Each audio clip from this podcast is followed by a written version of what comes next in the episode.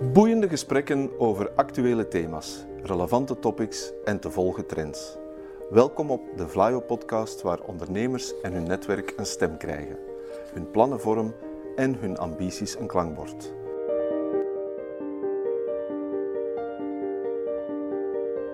To the point waar het kan, dieper gravend waar het moet. Inspirerend, informerend, ondersteunend. Van artificial intelligence, blockchain en circulaire economie tot digitale zorg. Wij knopen het in jouw oren. Welkom bij een nieuwe aflevering van de Vlaio Boekenwijzer. Vandaag heb ik bedrijfsadviseur Tom Sterke bij mij te gast, hier in onze gezellige en met de nadruk op fysieke en echte studio in Leuven. Want samen met Tom gaan we vandaag het digitale universum verkennen en duiken we in de wereld van de metaverse.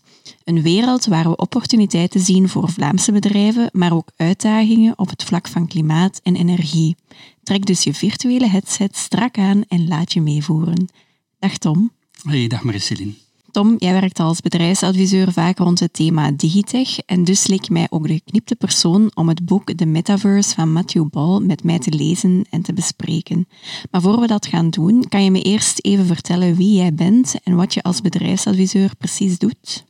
Eigenlijk ben ik een, een grote curieuze neus als het gaat over technologie, eh, met eigenlijk ook een zwak voor eh, elektronica, machinebouw en digitale technieken. Ik werk als bedrijfsadviseur en in die rol ga ik dan ook in gesprek met ondernemers en projectleiders die een ambitieus en innovatief idee hebben. En samen met die ondernemer ga ik dan dieper in op dat idee, maar ook op de achterliggende business case en de skills die nodig zouden zijn om dat project te realiseren. Ja, ook niet onbelangrijk, we kijken ook eens naar de financiën die nodig zijn om dat voor elkaar te krijgen met mijn collega's en, en dus ik zelf ook, uh, proberen we die ondernemer dan ook te helpen met adviezen over het onderwerp, uh, maar ook door contacten te leggen met partners in het Flyo-netwerk, met uh, kennisinstellingen, onderzoekscentra, noem maar op. En indien mogelijk met andere bedrijven waar we al eerder mee samengewerkt hebben. Wat doen wij nog? Wel, we geven tips en tricks over beschermen van intellectuele eigendom, hoe je moet pitchen naar investeerders toe, en natuurlijk, hè, daarvoor kennen de mensen Vlaio, hoe kan je subsidies bekomen en welke subsidies zijn geschikt voor het project dat ze in gedachten hebben. Oké, dank u Tom. In het boek The Metaverse neemt Matthew Ball ons mee naar de toekomst, of misschien is het eigenlijk al het heden, maar daarover zullen we het straks nog hebben. Maar wie is die Matthew Ball? Kan je iets vertellen over de auteur? Ja, Matthew Ball is van Canadese afkomst. Um, heeft een uh, hele mooie website. Op zijn website staat dat hij ooit nog brandweerman geweest is, maar dat is misschien niet relevant voor, voor dit verhaal van de metaverse. Wat wel relevant is, is dat hij co-founder is en CEO van het bedrijf Epillion. En Epillion, dat is een Canadese investeringsmaatschappij en ook een accelerator. Dus ze geven ook advies aan de bedrijven die ze begeleiden. En Epillion richt zich vooral op investeringen in de entertainmentsector. Dus digitale media, film, maar ook vooral games. Ehm, daarnaast is hij actief op vele andere projectjes en schrijft hij ook columns voor onder meer The Economist. En ik denk eigenlijk dat die specifieke combinatie van ervaringen in de gamingsector met ervaringen met innovatie ervoor gezorgd heeft dat Matthew Ball een goed aanvoelen heeft ontwikkeld met technologie die van belang kan zijn in de metaverse. Hij schreef er al een heleboel columns en essays over in het verleden en heeft al die kennis gebundeld in dit boek over de metaverse.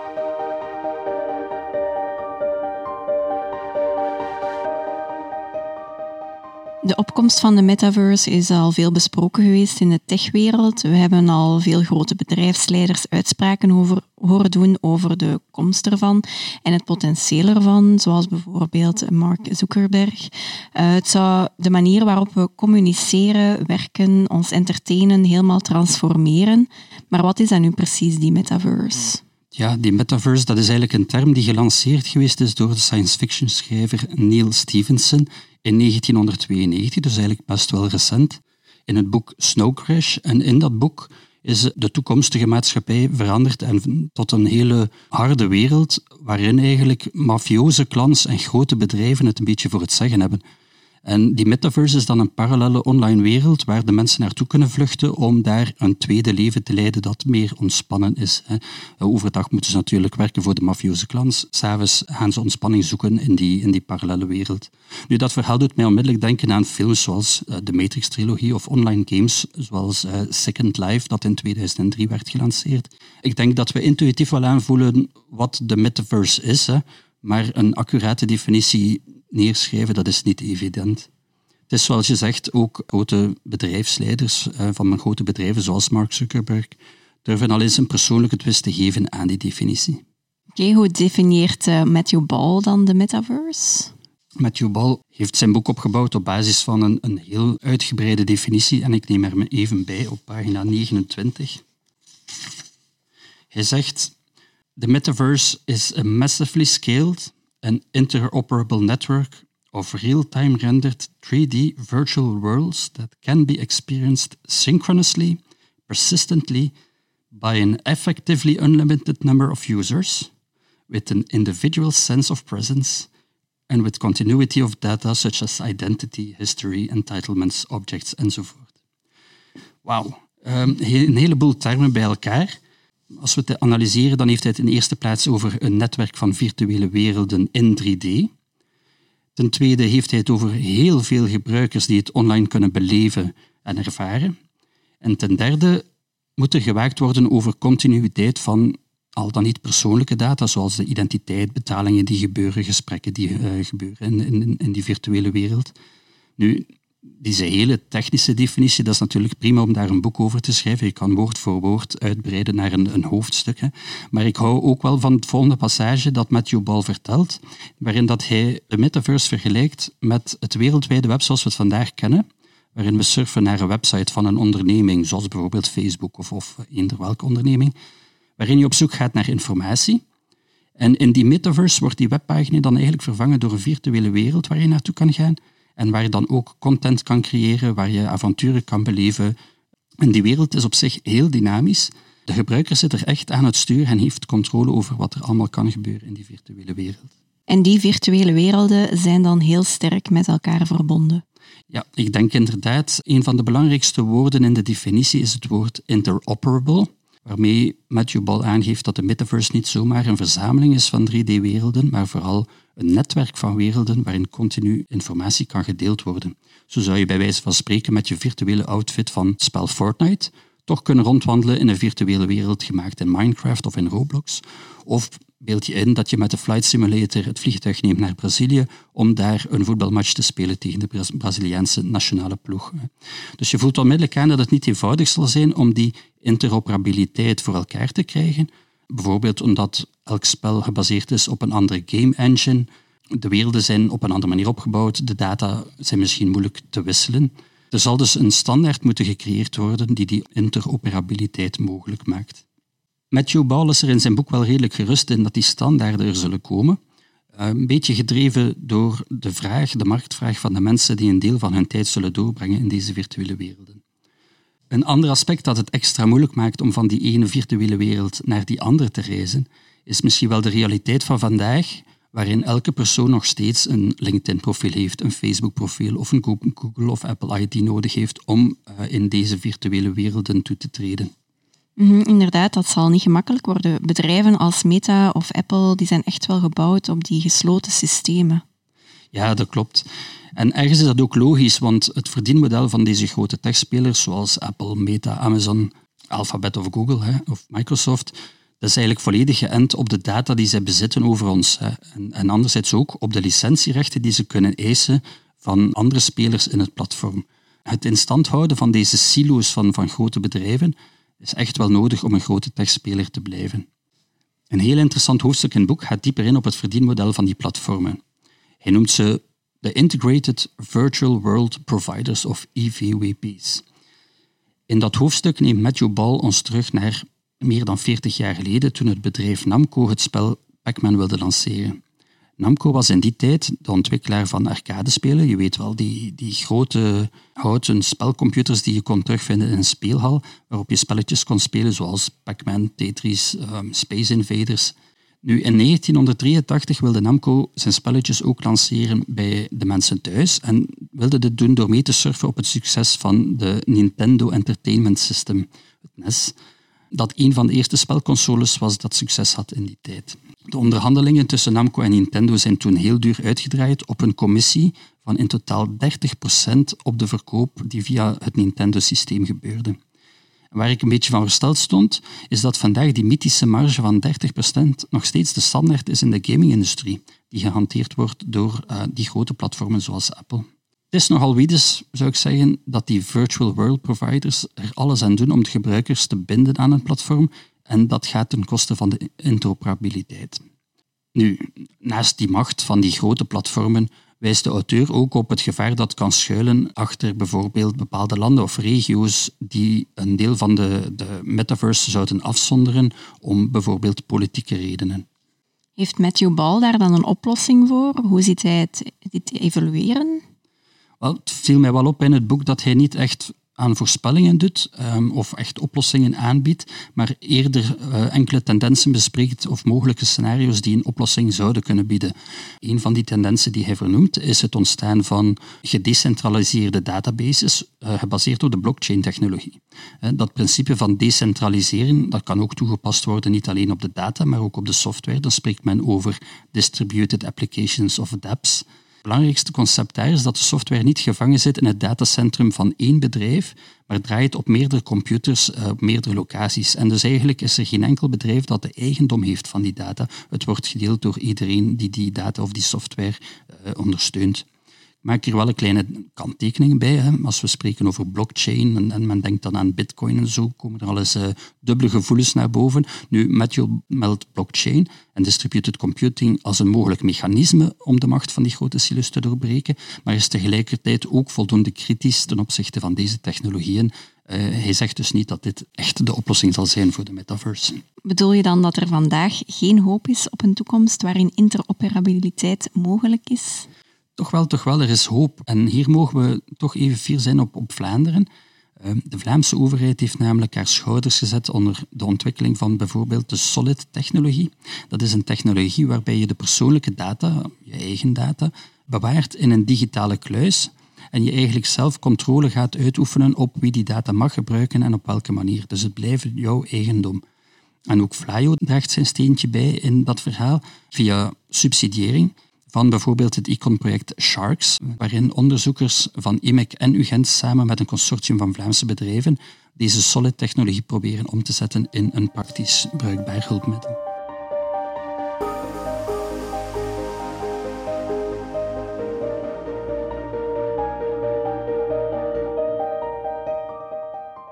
Wat is er naast interoperabiliteit nog belangrijk om de metaverse te realiseren? Wel, de definitie spreekt over virtuele 3D-werelden. En de overstap van 2D naar 3D is voor Matthew Ball echt een noodzakelijke voorwaarde om te kunnen spreken van de metaverse. De auteur legt hier terecht de link naar de gamingwereld, waar game engines als Unity en Unreal vandaag reeds in staat zijn om prachtige 3D-werelden te tekenen of te renderen, zoals dat dan heet.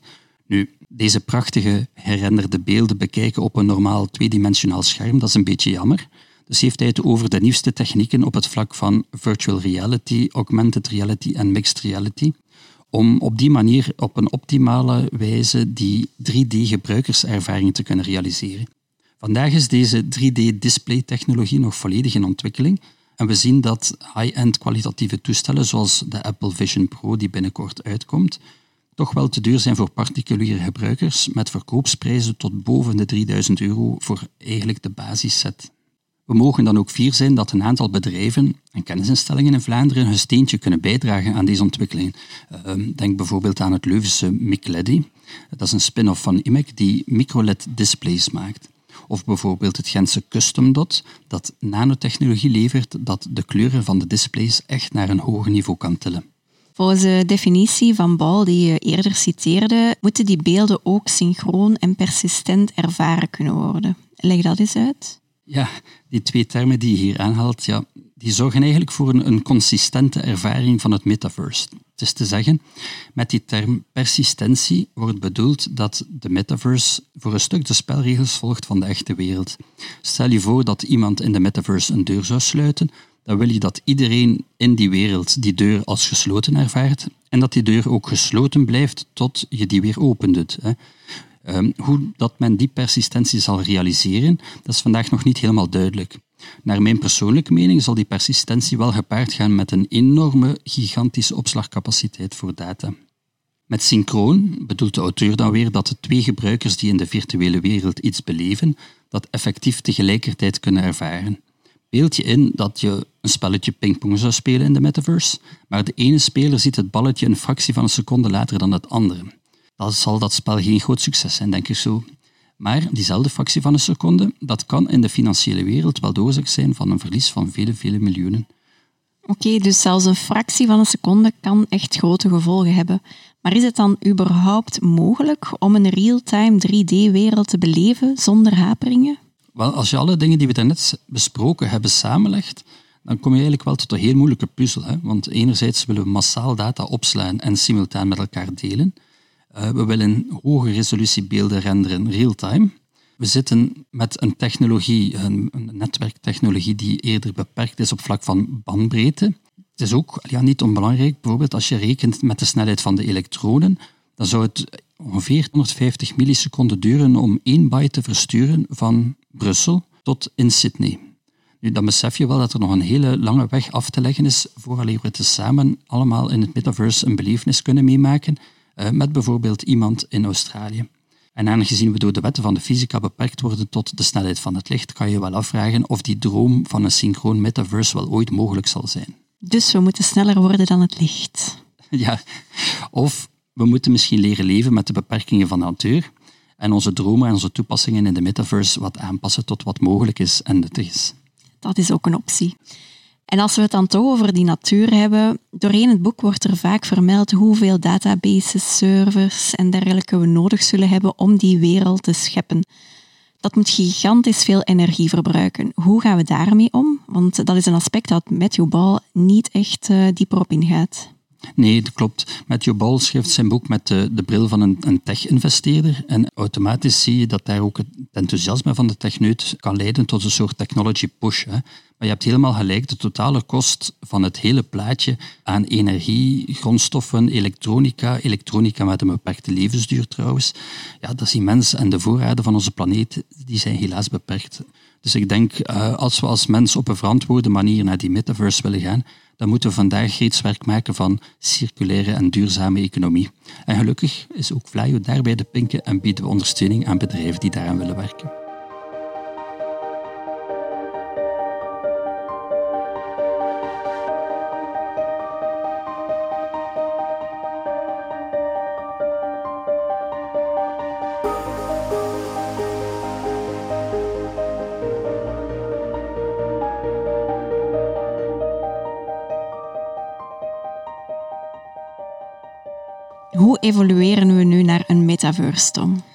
Wel, je formuleert het heel correct door. Het is een evolutie. Er zijn namelijk veel fasen richting de metaverse.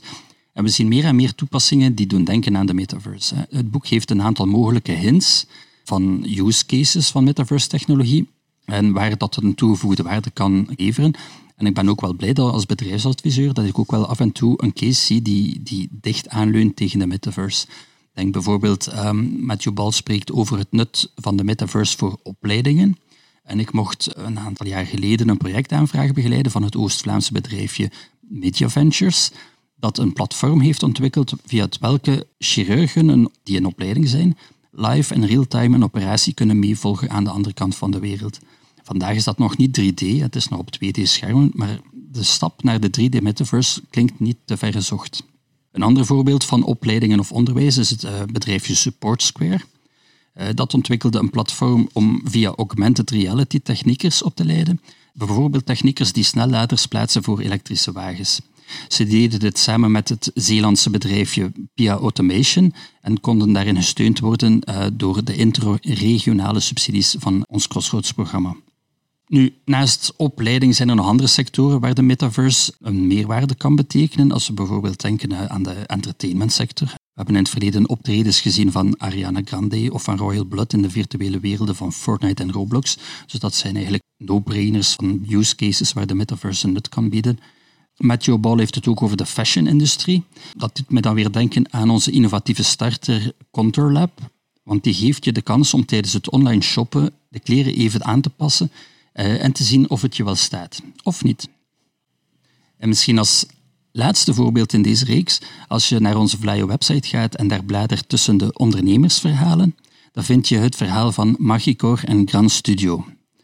Die twee bedrijven samen um, ontwikkelen een platform dat teams van autoontwerpers over de hele wereld toelaat om samen te werken aan dezelfde wagen in een virtuele ruimte, met behulp van 3D-gerenderde uh, beelden, die daarboven gekoppeld zijn aan de werkelijke realiteit, met behulp van hun Digify-toestel, een, een tastbaar elektromechanisch automodel dat gekoppeld is aan die ontwerpen in de virtuele wereld.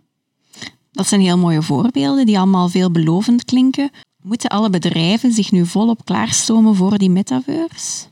Ik denk dat de Vlaamse bedrijven zich vandaag niet te veel zorgen moeten maken over die metaverse. Ten slotte, Rome wasn't built in one day, zo gaat dat ook met deze evolutie.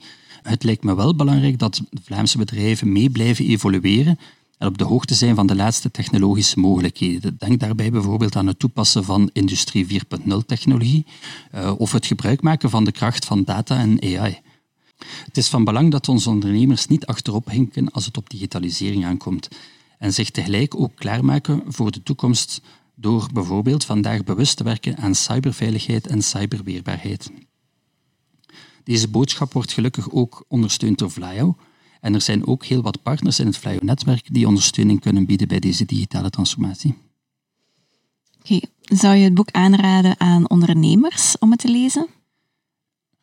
Ja, toch wel, of toch aan de ondernemers die interesse hebben in deze technologie. Het is een stevige kluif van uh, eh, 300 pagina's, waarin Matthew Ball enerzijds uh, zijn interesses als techneut mooi uh, weergeeft en combineert met anderzijds zijn ervaring als businessanalist.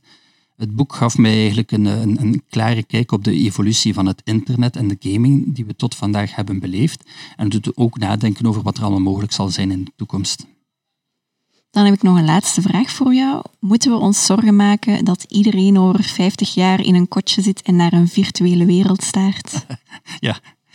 ja, zitten we vandaag misschien niet allemaal al een beetje online in onze eigen virtuele wereld? Hè? De metaverse biedt veel mogelijkheden. Uh, er kunnen fantastische werelden gecreëerd worden. Uh, veel mensen zullen daar ongetwijfeld enorm veel tijd in doorbrengen. Maar als er uh, ja, één les is die ik heb kunnen onthouden na de COVID-periode van een aantal jaar geleden, dan is er dat, toch dat er niets boven het menselijk contact gaat in de echte, reële wereld. Klopt, daar ben ik het helemaal mee eens. Dat is mooi om mee te eindigen. Bedankt, Tom. Graag gedaan. Wil je na het beluisteren van deze podcast ook aan de slag met digitale transformatie of innovatie? Ga dan naar www.flyo.be en maak een afspraak met een van onze bedrijfsadviseurs voor een klankbord, voor advies op maat of om samen opportuniteiten in kaart te brengen.